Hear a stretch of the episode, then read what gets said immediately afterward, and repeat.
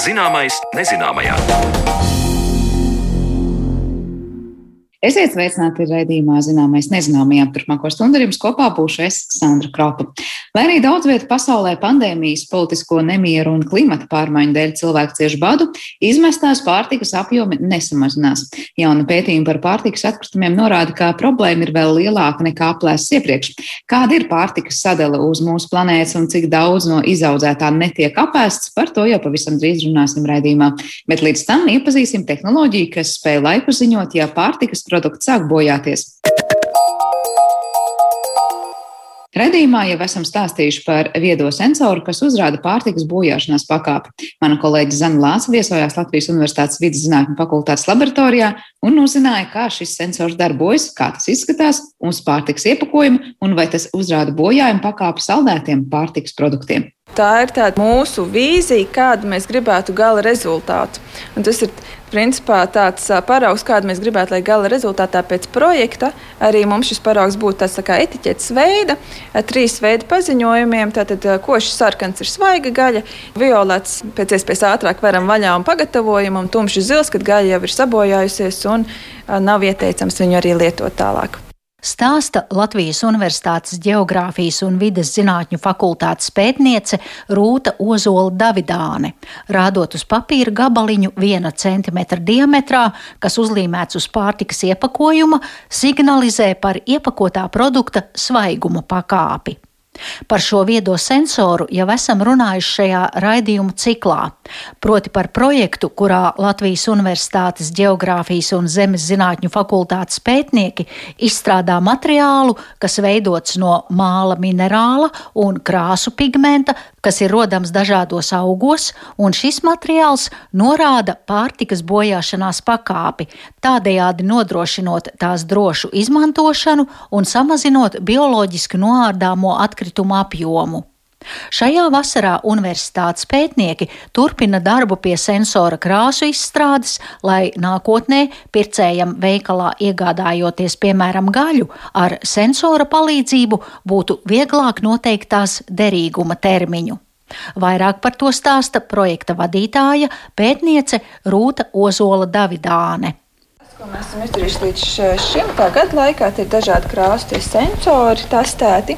Un šeit var redzēt, šis ir svaigs sensors. Tad, kad gaļa jau ir uh, svaiga, tad kurš sarkans, nu, tā atkarībā mm -hmm. no mhm. krāsas, un tad tur tātad ir tumšs zils, tad, kad jau ir sabojājies tas produkts. Izklausās varbūt ļoti vienkārši. Jūs esat ņēmuši divus dabas materiālus, krāsvielu, kas ir augos, ogās un mālu minerālu. Jā. To savienojuši un izveidojuši sensoru, kas nosaka produktu lietošanas derīgumu. Šī gada laikā mēs esam īpaši daudz strādājuši pie validācijas testiem. Ļoti daudz paraugi ir gājuši dažādu krāsu sensoriem. Tad mēs esam skatījušies arī dažādas šīs kompozīcijas materiāli, lai viņus vēl būtu dabai draudzīgāks, lai būtu lietotāji mērtāks, lai būtu īpaši par šīm krāsām. Esam skatījušies kompozīcijas, dažādas aktīvo vielu, lai tas tonis būtu tāds, kur patērētājiem būtu viegli saprotams krāsas maiņas. Un te var redzēt no gaiša rozā līdz tumšs sarkanajam. Dažādām krāsām mēs esam testējuši un skatījušies. Gala rezultātā mums ja nemaldos, tad šis tonis, košs sarkanais, ir palicis arī kā vislabākais, un, un arī kurš viskošāk šo krāsu pēc tam dod. Kad ir uh, sabojājies jau produkts, tad koši zilu. Tad šeit ir arī paraugi, kur ir angļu valodā rakstīts mm, svaigs un sabojājies. sabojājies fresh and spoiled. Jā, pie svaiga ir tas košs sarkanais un zilais pie sabojājies. Kā, ja to sensori, es saprotu, ka tas būs tāds nākotnē, tad, kad to ieviesīs ražošanā, tas būs mazs tāds kvadrātiņš, kas būs uzlīmēts uz iepakojuma, vai tas būs iekšpusē pie produkta vai mm -hmm. ārpusē? Viņš nebūs saskarē ar pārtiks produktu, lai gan viņš ir no dabiskām izēvielām un māli, tāpat arī šīs aktīvās dabiskie pigmenti. Viņus izmanto uzturbagātinātājos. Un jāsaka, piemēram, viņš būtu saskarē ar pārtiku vai netīšām tiktu ēsts, viņš jums būtu kā uzturbagātinātājs un pat būtu veselīgs savā ziņā. Bet, protams, patērētājiem nav patīkami, ka uz produkta ir kaut kas virsū Tāpēc dotajā brīdī mēs arī šī gada laikā esam izstrādājuši šādas te, tādas tā kā vannītes, ko var ielikt iekšā. Tad ir standartizētā iepakojumā, kur tad ir gaļas produkts. Un šai vannītei augšdaļā ir speciāls iedobīta robiņš, kur var ielikt sensoru. Tā lai viņš nenokrīt, nesaskarās ar pārtiks produktu un tā pašā laikā ir viegli nolasāms un redzams patērētājiem. Vēl kas ir pluss šai vanītei, viņai ir caurumiņa apakšā, kas savukārt pagarina produktu ilgumu, jo viss šīs sulas, kas veidojās produktam, bojājoties, notek zem vanītes, un tādējādi produkts ilgāk paliek svaigs. Un, protams, mums ir tā doma arī strādāt tālāk uz etiķeti, ka varētu būt tieši uz plēvītes augšākā etiķete, ko cilvēki varētu redzēt. Bet otrajā brīdī šis ir tas izstrādes stadija, līdz kurai mēs esam tikuši, lai tālāk varētu testus dot un visus šos paraugus ar sensoriem dot, piemēram, kādam no šiem gaļas ražotājiem. Man viens ekoloģisks dabas jautājums. Es skatos, te ir divas plasmasas vannītes, viena iekšā otras.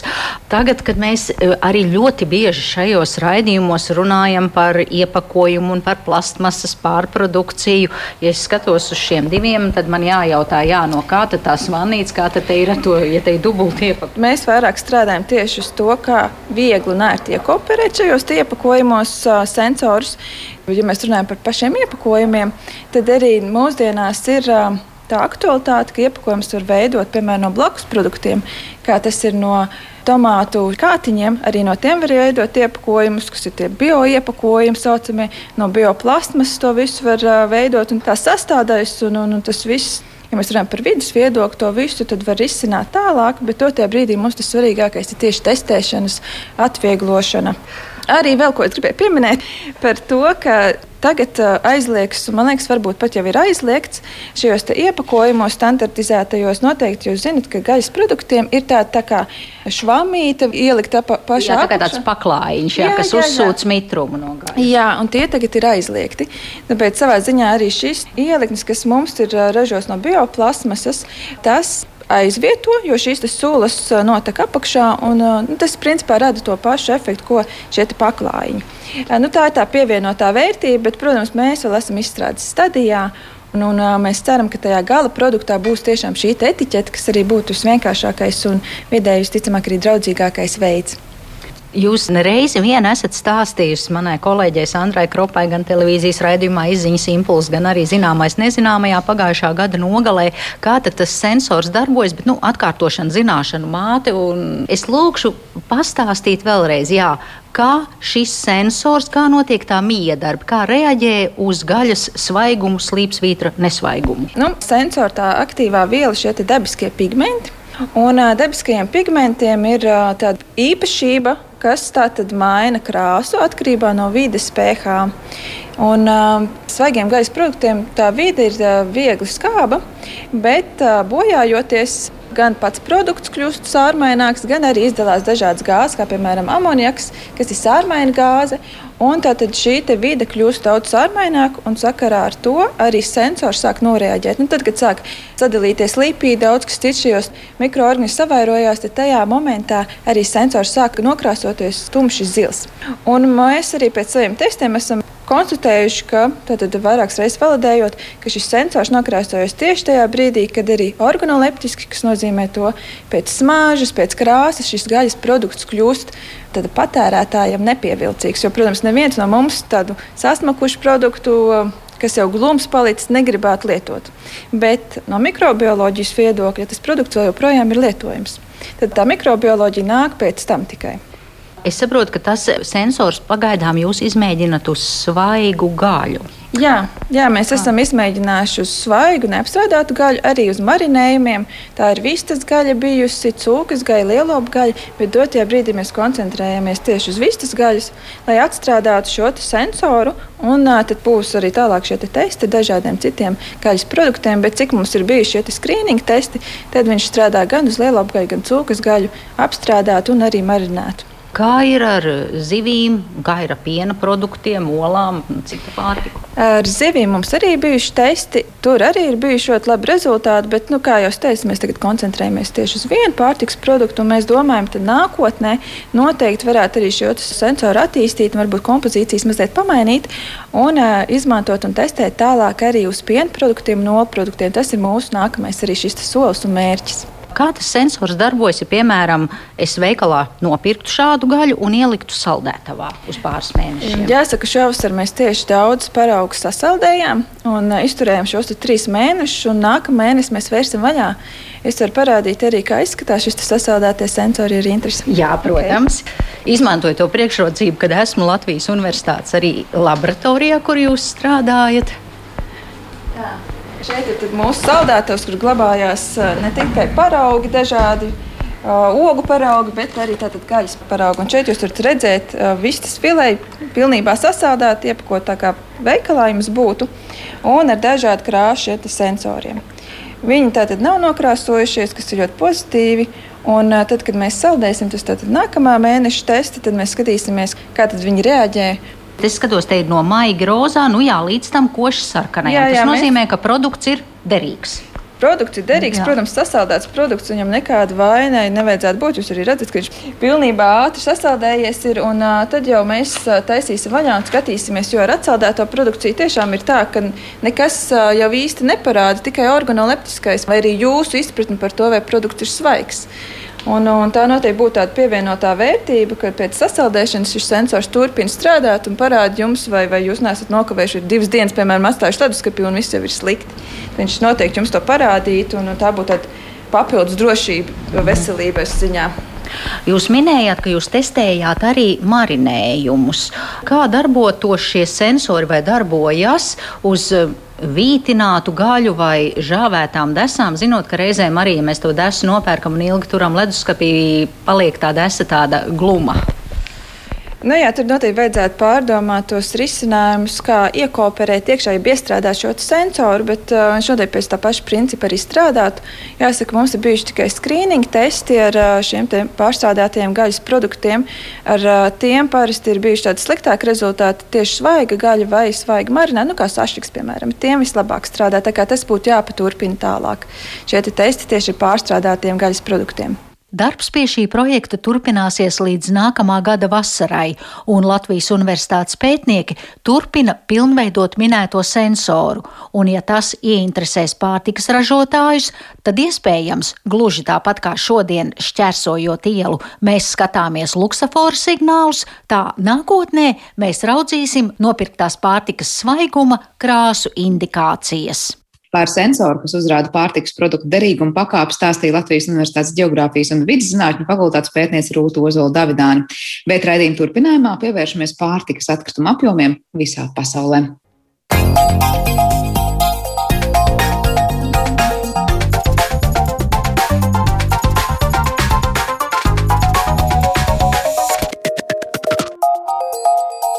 Zināmais nezināmajā.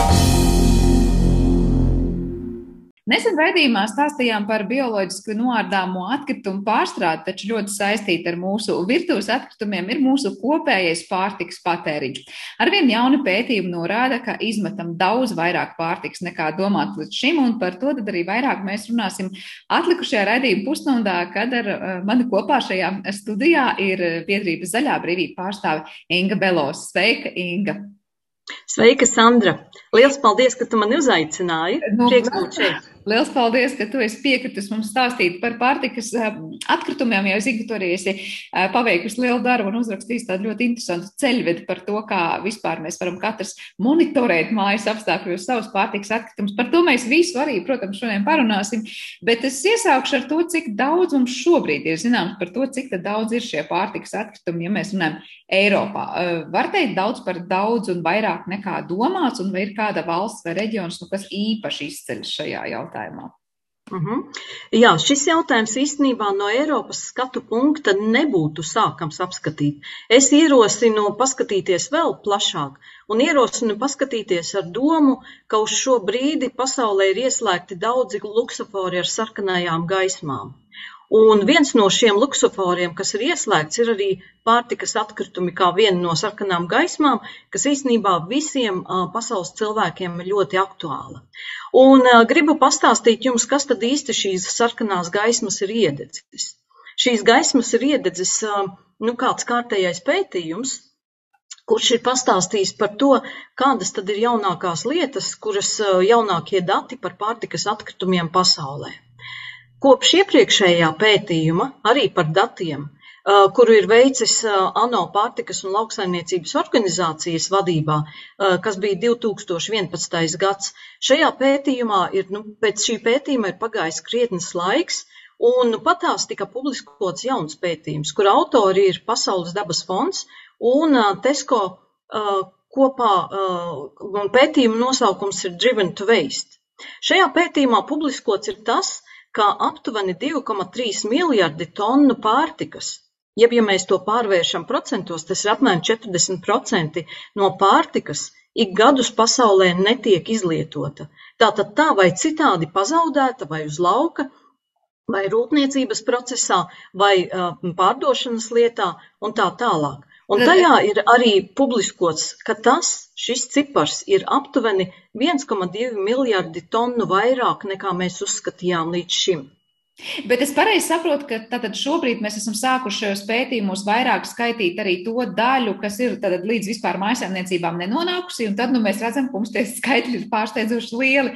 Bet 40% tas nozīmē, nu teju puse vispār ir pārtiks atkritumi, kas nemaz nerodas mājasēmniecībās. Jā, absolūti. Jo, ja mēs skatāmies vispār par to, kādas ir šī pētījuma galvenās atziņas, tad mēs varam teikt tā, ka nu, šo informāciju mums palīdzēs saprast ideja par pārtikas apriti, jeb ceļu, kā šī pārtika nonāk pie mums.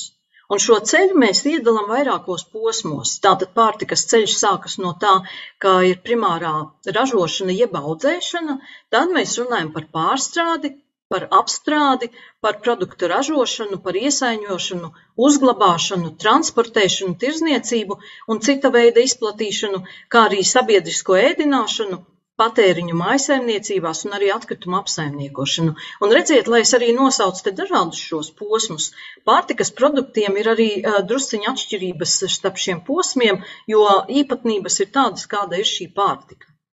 Un ja mēs runājam par to, ka ja visi pārtikas aprites posmi norisinās mums tuvākā mērogā, ja piemēram valstī norisinās vai arī reģionāli, tad mēs šo um, pārtikas apriti, jeb ceļu dēvējam par vietējo pārtikas piegādes ķēdi.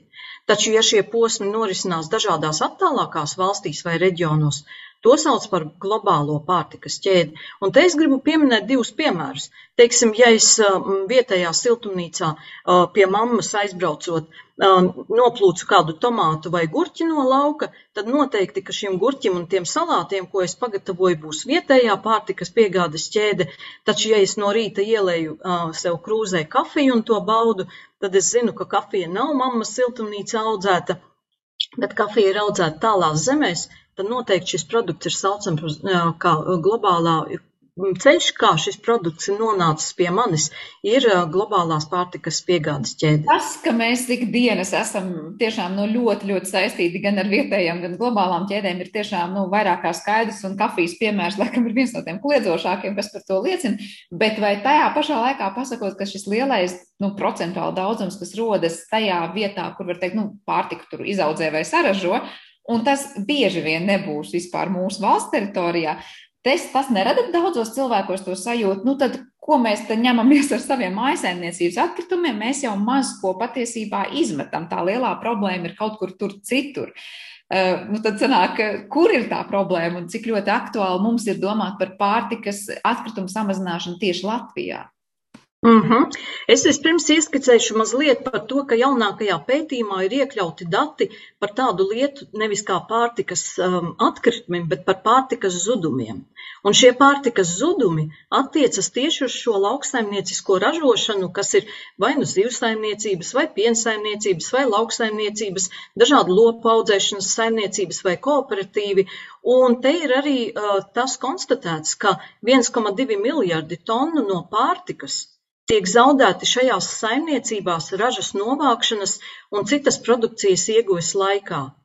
Tātad tas nozīmē, ka šis lielais cipars, ko mēs pieskaņojam klāt, jaunākie dati, kas ir par pārtikas atkritumu daudzumu, mēs varam teikt, ka mēs tagad zinām daudz vairāk par to, kā, e, cik liels daudzums no pārtikas tiek zaudēts šajās te audzēšanas fāzē. Tas īstenībā, ja mēs ciparos skatāmies, tas varētu būt apmēram 15,3% no visas saražotās pārtikas. Tātad īsi pasakot, ka 15,3% no visas saražotās pārtikas netiek novākti vai novācot tiek sabojāti un pat uz ražošanu netiek tālāk. Eh, bet jautājums, kāpēc uz lauka netiek novākts vai uz ražošanu tālāk netiek, tās ir neatbilstošas kaut kādas tehnoloģijas vai kaut kādas jau vispār, ne, nu, ja, ja nevar pat novākt, tad, tad pat nav stāsts par uzglabāšanu. Kur ir problēma? Redz, kā ir. Šī problēma droši vien, ka, ja gudri runājot, tad pārtikas produktam katram būs skatām atsevišķi, jo mēs zivju saimniecību mēs nevaram salīdzināt ar ābolu saimniecību vai kartupeļiem vai rīsiem vai vēl kaut ko citu. Kaut gan šis pētījums parāda mums arī tādu vispārīgu nostāju, ka nu, tas arī apgāž šo pārliecību, ka līdz šim pirms pētījuma mēs domājām, ka pārtikas zudumi saimniecībās, tas ir tajā primārajā ražošanā, ir problēma mazāk pārtikušo reģionu uh, uh, vietās ar zemāku industrializāciju. Pētījums pierāda pretējo, Pārtikas zudumi ir lielāki tieši rūpnieciski attīstītajos reģionos, kuri ir Eiropas valstis, Ziemeļamerika, arī Āzija, kur ir rūpnieciska attīstība ir augstāka, un tieši šajos reģionos ar augstiem un vidējiem ienākumiem, ar lielāku mehanizāciju ražošanā, un tagad es nosaukšu ciparus, kā mm, zinām, ka šajos reģionos dzīvo uh, cilvēku skaits ir mazāks, tātad šajos reģionos ar 37% no iedzīvotājiem visiem tiek radīti 58% no visa pārtikas atkritumu zuduma. Tātad mēs varam redzēt jau konkrēti, cik daudz atbildības mums būtu jāuzņemās un jāpievērš lielāka uzmanība tam, kas paliek uz lauka, kas paliek varbūt saimniecībās un kas tālāk neaiziet pat ne līdz ražošanas lietām. Kur būtu tas risinājums? Tur ir mainīt kaut kādu tehnoloģiju, kā novākt un kā paņemt visu no tā lauka, eh, vai tur ir jādomā, kur vēl tam ražotājam vai audzētājam piegādāt to pārtiku, vai tas ir kaut kādas, es nezinu, ja tie ir kaut kādi nestandarta dārzeņi, tad tas aiziet kaut kādiem citiem produktiem. Kādas ir tendences nu, un uzlabojumi varbūt šajā jomā? Mm -hmm. Tendences un uzlabojumi šajā jomā nu, nebūs tāda uh, vispārīga formula, kas derēs visiem gadījumiem. Pirmām kārtām mums visiem, arī valsts līmenī un likumdošanas līmenī, ir jāpierod pie atziņas, ka pārtikas zudumi, liela daļa no pārtikas tiek zaudēta tieši audzēšanas vai primārās ražošanas posmā. Tas nozīmē, ka mums jāsāk domāt, kā tos uzskaitīt, Mums jāsāk domāt, kā saprast, kāda veida pārtikas zudumi tie ir, un tad skatīties, kāda veida formulas, mehānismi, rīki, rīcības un tā tālāk varētu mums derēt šīs te konkrētās pārtikas, nu tā tad atkritumu mazināšanai. Ko es varu pateikt to, kas mums noteikti visiem varētu derēt? Pirmām kārtām mums varētu derēt arī pārdomas par to, ka arī pie mums daļa no izaudzētās pārtikas tātad netiek novākta, un netiek līdz pārtikas tirgum, un varbūt mums arī valsts līmenī un arī pilsoniskās sabiedrības līmenī ir jāsāk domāt par to, uh, kādas varētu būt dažādas iniciatīvas, Piemēram, nu patās mēs zinām mūsu uh, lielisko iniciatīvu, vai tev vajag kādu kabaci. Tātad varbūt ir dalīšanās ar kabačiem, ābolu ražu, varbūt ar citu ražu ir dalīšanās, ar izslaukto pienu un arī kaut ko citu un novirzot šo konkrēto pārtiku tieši tiem cilvēkiem, kam, kam nav ikdienā pietiekoši daudz pārtikas.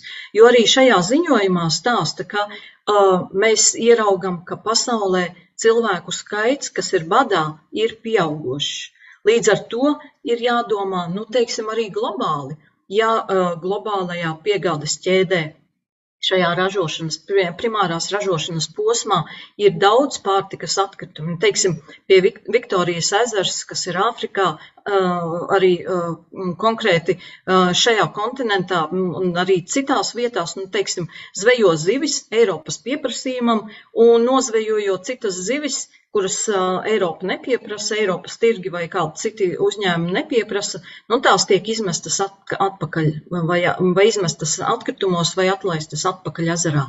Jautājums ir, varbūt mums ir jādomā, kā mēs to, ko nepieprasa tirgus, varam kaut kādā veidā izmantot, lai cilvēki nebūtu badā.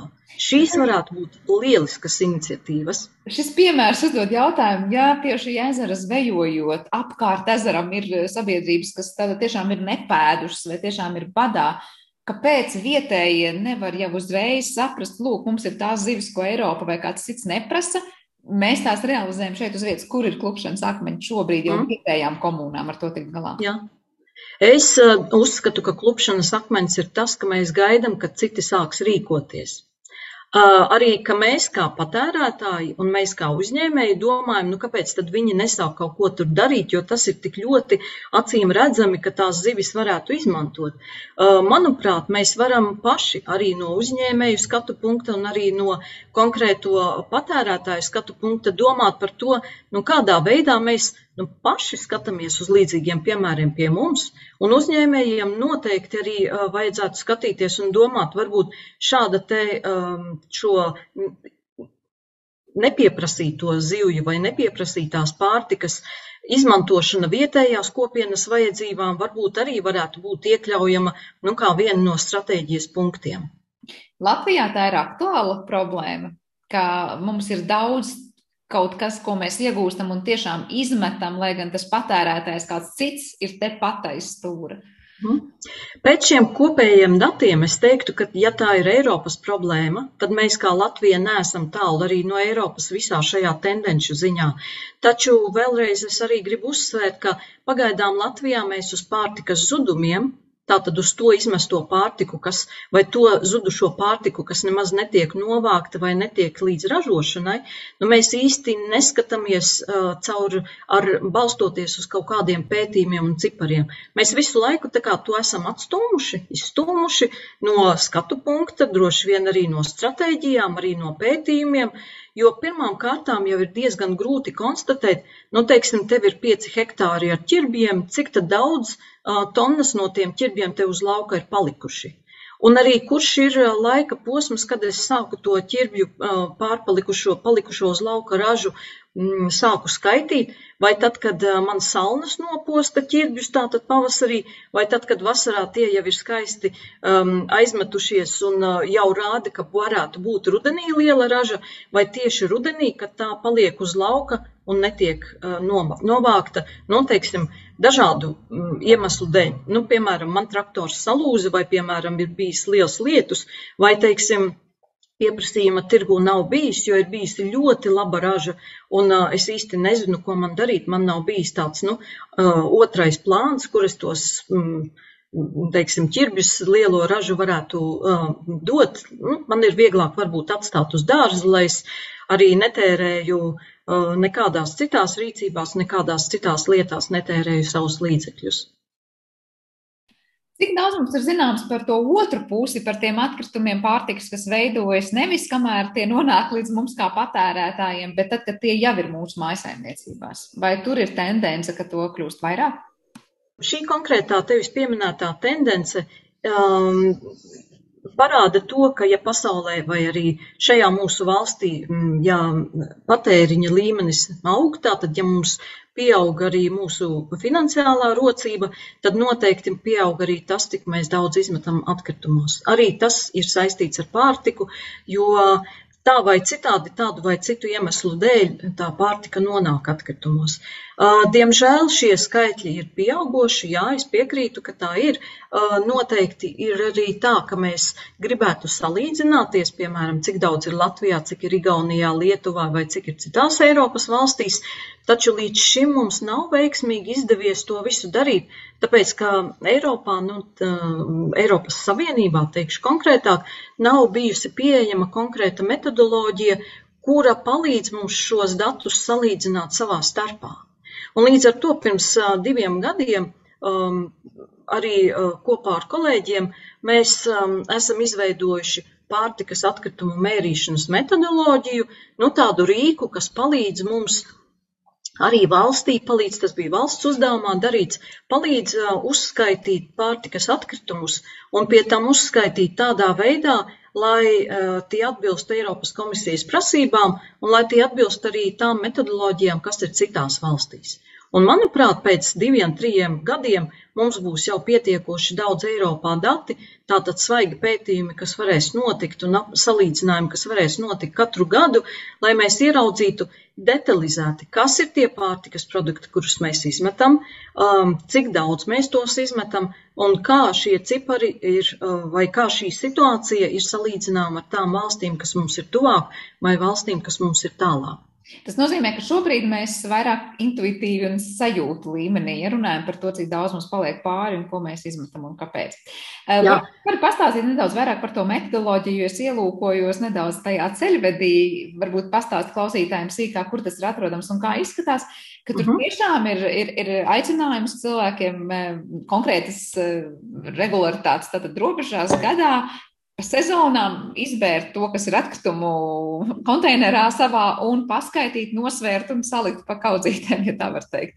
Uh mhm. -huh. Jā, lai arī izklausās diezgan ķēpīgs darbs un uh, daudz jāiegulda laika procesā, šī pārtikas atkritumu daudzuma mērīšanas metodoloģija tā varētu palīdzēt ne tikai mājasaimniecībām, ne tikai konkrēti mums katram, bet arī varētu palīdzēt uzņēmumiem, jo mēs arī paralēli uztaisījām vienu priekš uzņēmumiem. Tātad šī pārtikas atkritumu mērīšanas metodoloģija ir četras reizes gadā veicams regulārs darbs, kuru mēs varam veikt kat, eh, nedēļas ietvaros. Tātad četras reizes gadā katrā sezonā atšķirīgi, jo sezonalitāte noteikti pārtikas atkritumu daudzumu ietekmē, to mēs katrs zinām. Un šajā mērīšanas metodoloģijā ir aprakstītas metodes un piedāvāts arī konkrēts pieraksta veids, kur es varu šos te pārtikas atkritumus gan uzrādīt, kāds ir veids, gan uzrādīt, kāds ir svars, tātad katras dienas mērījumus pierakstīt un pēc tam sūtīt arī pa norādītajām, uz norādītajām adresēm. Protams, ka tas, šis darbs ir veicams, es teiktu, atbildīgu um, motīvu vadīts, Un šajā darbā ļoti veiksmīgi arī ir uh, iesaistāmi arī bērni un pusauģi, Un te ir jāsaka, ka tieši skolas, tieši izglītības sistēma Latvijā un arī uh, sadarbībā ar nevalstiskām organizācijām, pilsonisko sabiedrību ir uh, gājušas vienu soli uz priekšu. Jo, ja mēs, piemēram, mazākiem bērniem vēlamies um, veicināt to, lai šie bērni pārtikas atkritumu tematu uztver nopietni, lai saprot, um, ko, uh, cik daudz mājas apstākļos pārtikas atkritumi rodas, tad mēs varam aicināt aizpildīt miskastes dienas grāmatu. Ir tāds interesants rīks, kuru arī var uh, um, meklēt Tātad miskastes dienas grāmata, kuru mēs ar mazākiem bērniem, tas ir sākuma skolas vecuma, varbūt pirmsskolas vecuma pēdējie gadi, arī um, sāk, um, kopā ar bērniem aizpildīt, tādējādi ne tikai padarot interesantu šo ikdienas um, pārtikas mērīšanas um, procesu, bet arī dodot iespēju bērniem attīstīt šīs prasmes. Lielākiem skolēniem un skolām ir vēl viens lielisks rīks izstrādāts – un šo rīku var meklēt pēc atslēgas vārda atkritumu audits. Un šis ir mazliet sarežģītāks rīks, Protams, ka bērni ir lielāki un var veikt jau arī sarežģītākas kalkulācijas. Tur arī ir aprakstīts ļoti vienkāršs un um, veiksmīgi veidi un ieteikumi, kā mēs to varam izdarīt jau skolām, kopīgi organizācija vai klase, vai arī mājās, ja ir vēlēšanās un to lielākie bērni arī var vadīt. Bet, uh, tas, uh, bet šie rīki divi, kas ir izstrādāti tātad uh, skolēniem, šie, šie abi rīki sagatavo mūs tam, ka mēs nu, sākam aizdomāties, vai mēs īsti zinām, kāda ir mana situācija mājās. Jo, ja man tā paprasītu pirms tam, ka es šos esmu lietas sākusi darīt, ja man pajautātu, kas tad īsti ir tie pārtikas atkritumi, ko es izmetu visvairāk un cik, nu varbūt uz pirmo jautājumu es kā, nu, pēc saviem novērojumiem vēl varētu uzreiz pateikt, nu, apdomājoties, bet cik daudz es īsti arī nepateiktu, jo tas sanāktu tāds nu, diezgan negodīgs cipars, kur, kur, par kur es īsti apgalvot nevaru. Taču tieši pārtikas atkritumu daudzuma mērīšanas metodoloģija ir tas rīks, kas palīdzēs arī valstī izpildīt savas lietas, jo Noteikti uh, trīs vai četri cilvēki, kur ikgadēji šo rīku izmanto un savus datus sniedz, nu, nevar būt tie, kuri raksturo visu valsti kopumā. Tāpēc es mudinātu arī Zaļās brīvības mājaslapā meklēt, vai arī meklēt pēc nosaukuma pārtikas atkritumu daudzuma mērīšanas metodoloģija. Un te man jāsaka, ka es arī aicinātu uzņēmumus darīt to pašu, jo, kā jau es teicu, mājasaimniecībām un uzņēmumiem Mums ir tādi paralēlie rīki, kurus, kuros mēs arī gribam pastāstīt, kā tad īsti šīs lietas ir darāmas. Es saprotu, ka datus, protams, mēs vēl pāragri varam gaidīt konkrētus, kas kuram kā paliek pāri un nonāk pārtiks atkritumos, bet vairāk droši vien ir tāds stāsts par kaut kādiem novērojumiem vai, vai tendencēm kopumā. Varbūt tu vari minēt, kas ir tie vājākie posmi. Tas ir tāpēc, ka cilvēki mēs iepērkam neapdomājot vai neapēdam tik, cik gribējām apēst. Vai tas ir kaut kāds uzglabāšanas jautājums? Es esmu dzirdējusi iepriekš pat ieteikumus, nu, cik ļoti svarīgi ir dažkārt domāt, kurā plauktā leduskapī, ko mēs liekam, jo bieži atverot un aizverot šīs leduskapī durvis arī mēs saprotam, kurā vietā ir kāds produkts, varbūt jutīgāks šis temperatūras biežām izmaiņām nekā kas cits. Kādi ir tie novērojumi, varbūt, nu, kur -hmm. mēs rēkojam visvairāk? Jā, pārtikas patēriņa uzvedība sākas droši vien ar to, ka mēs sastādām sarakstu pirms mēs ejam uz veikalu iepirkties. Tātad iepirkšanās ir pats pirmais posms. Un šeit vājākā vieta ir tā, ka mēs ejam bez saraksta iepirkties, vai nu arī ejam uh, iepirkties bet zinām to, ka mēs īsti neesam pēduši, jo tad mūsu sarakstu tad mūsu mm, pārtikas preču vajadzību vada nevis mūsu reālās vajadzības, bet ļoti daudz piedalās arī mūsu deguns un mūsu izsalkums. Tātad iepirkšanās ir pats pirmais. Tad noteikti nākošais ir mēs atnākam uz mājām un šo pārtiku izsaiņojam, un tā ir sakārt pārtikas uzglabāšana. Pārtikas uzglabāšanu mēs veicam gan plauktos, un šeit vājākais posms varētu būt, ka mēs ne, neievērojam principu pirmais iekšā, pirmais ārā, Tas nozīmē, ka tās kastītes eh, vai tās paciņas, kuras jau ir um, nu, puse izmantota un stāv jau plauktā, nu, mēs jauno saliekam priekšā, un tas vecais aiz, aiziet tālāk uh, plaukta neredzamajā daļā. Un pēc būtības mēs piemirstam, ka tādas paciņas tur ir atvērtas, un saprotam, droši vien tad parādās uh, pārtikas kodes, tad, kad jau redzam, ka ir citi iedzīvotāji, kam mēs devām zaļo gaismu arī šīs pārtikas izmantošanā. Uh, Vēl viena interesanta lieta ir domāt par to, kā mēs pārtiku kārtojam leduskapī. Jo leduskapī noteikti pārtikas, um, noteikti temperatūra atšķiras. Ir tādi plaukti, kur mēs arī tos lielos leduskapis pērkot jau ieraugam, ka ir rakstīts pārtikas, um, pārtikai, um, dārzeņiem un augļiem. Ir tādi plaukti, kur mēs redzam, ka durvīs kaut ko šo un to var salikt.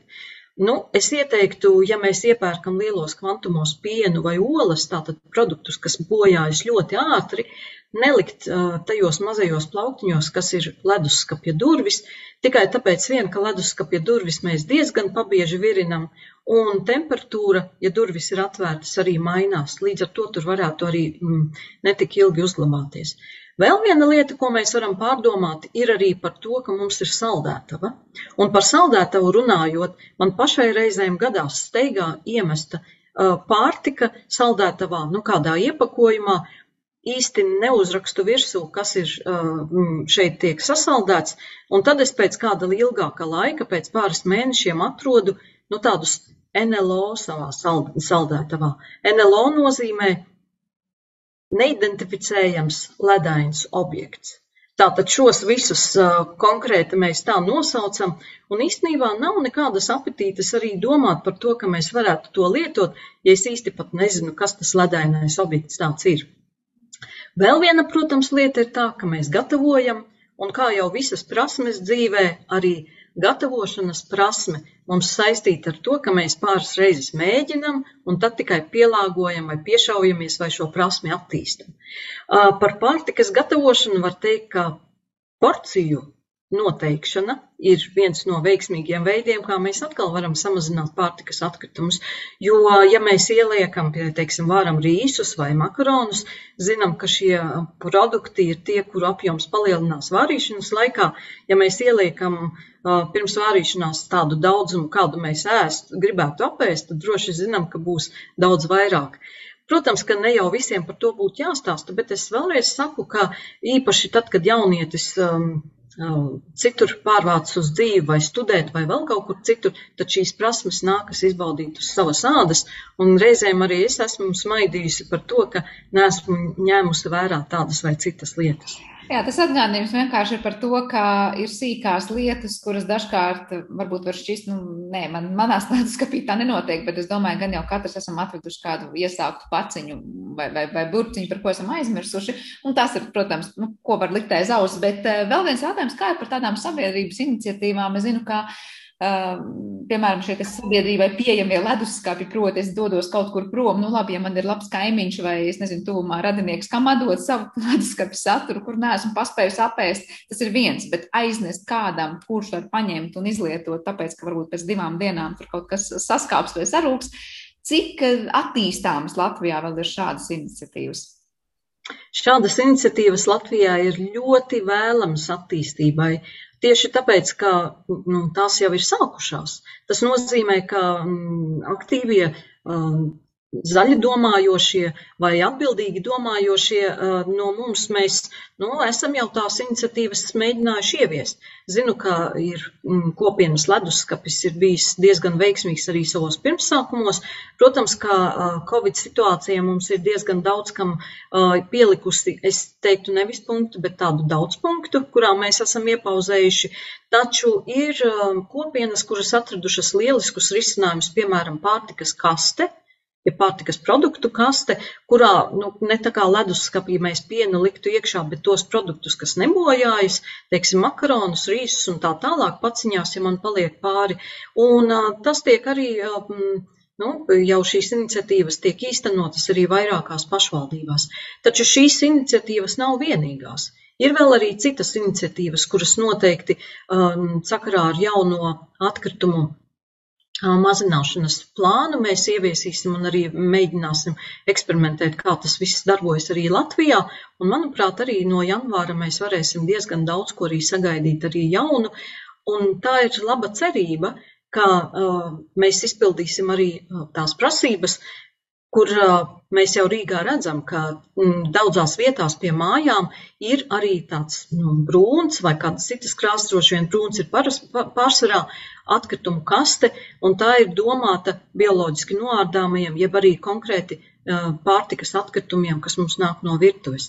Tātad mēs te vēl varam parunāt vēl par vienu lietu, par ko mēs nepieskārāmies, nerunājām, par to, kā tad mēs šķirojam to visu.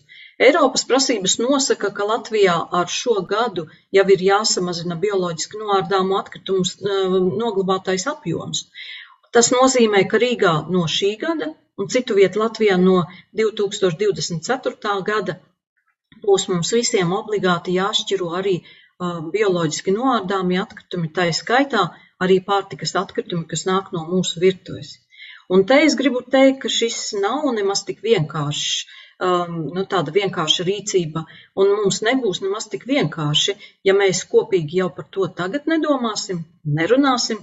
Varbūt jau tagad varam uzmest, iemest aci virtuvē, kur mums šis um, bioloģiski noārdāmajiem atkritumiem, kur mums šis uh, atkritumu savākšanas spainis vai trauks, kur tas būs atrodams, kur tas stāvēs. Varbūt mēs jau tagad varam noskaidrot no tā, uh, sadzīves atkrituma apsaimniekotāja, vai jau tagad ir iespēja to darīt, varbūt vienoties ar kaimiņiem un uzstādīt jau tagad iespēju, ka ir tas konteiners, kurā mēs šos pārtikas atkritumus varam likt. Un noteikti zinām to, ka tieši tāpat kā ar visiem šķirotajiem atkritumiem, arī šajā atkritumu kastē liekamie bioloģiski noārdāmie atkritumi noteikti nebūs jaucami ar citiem.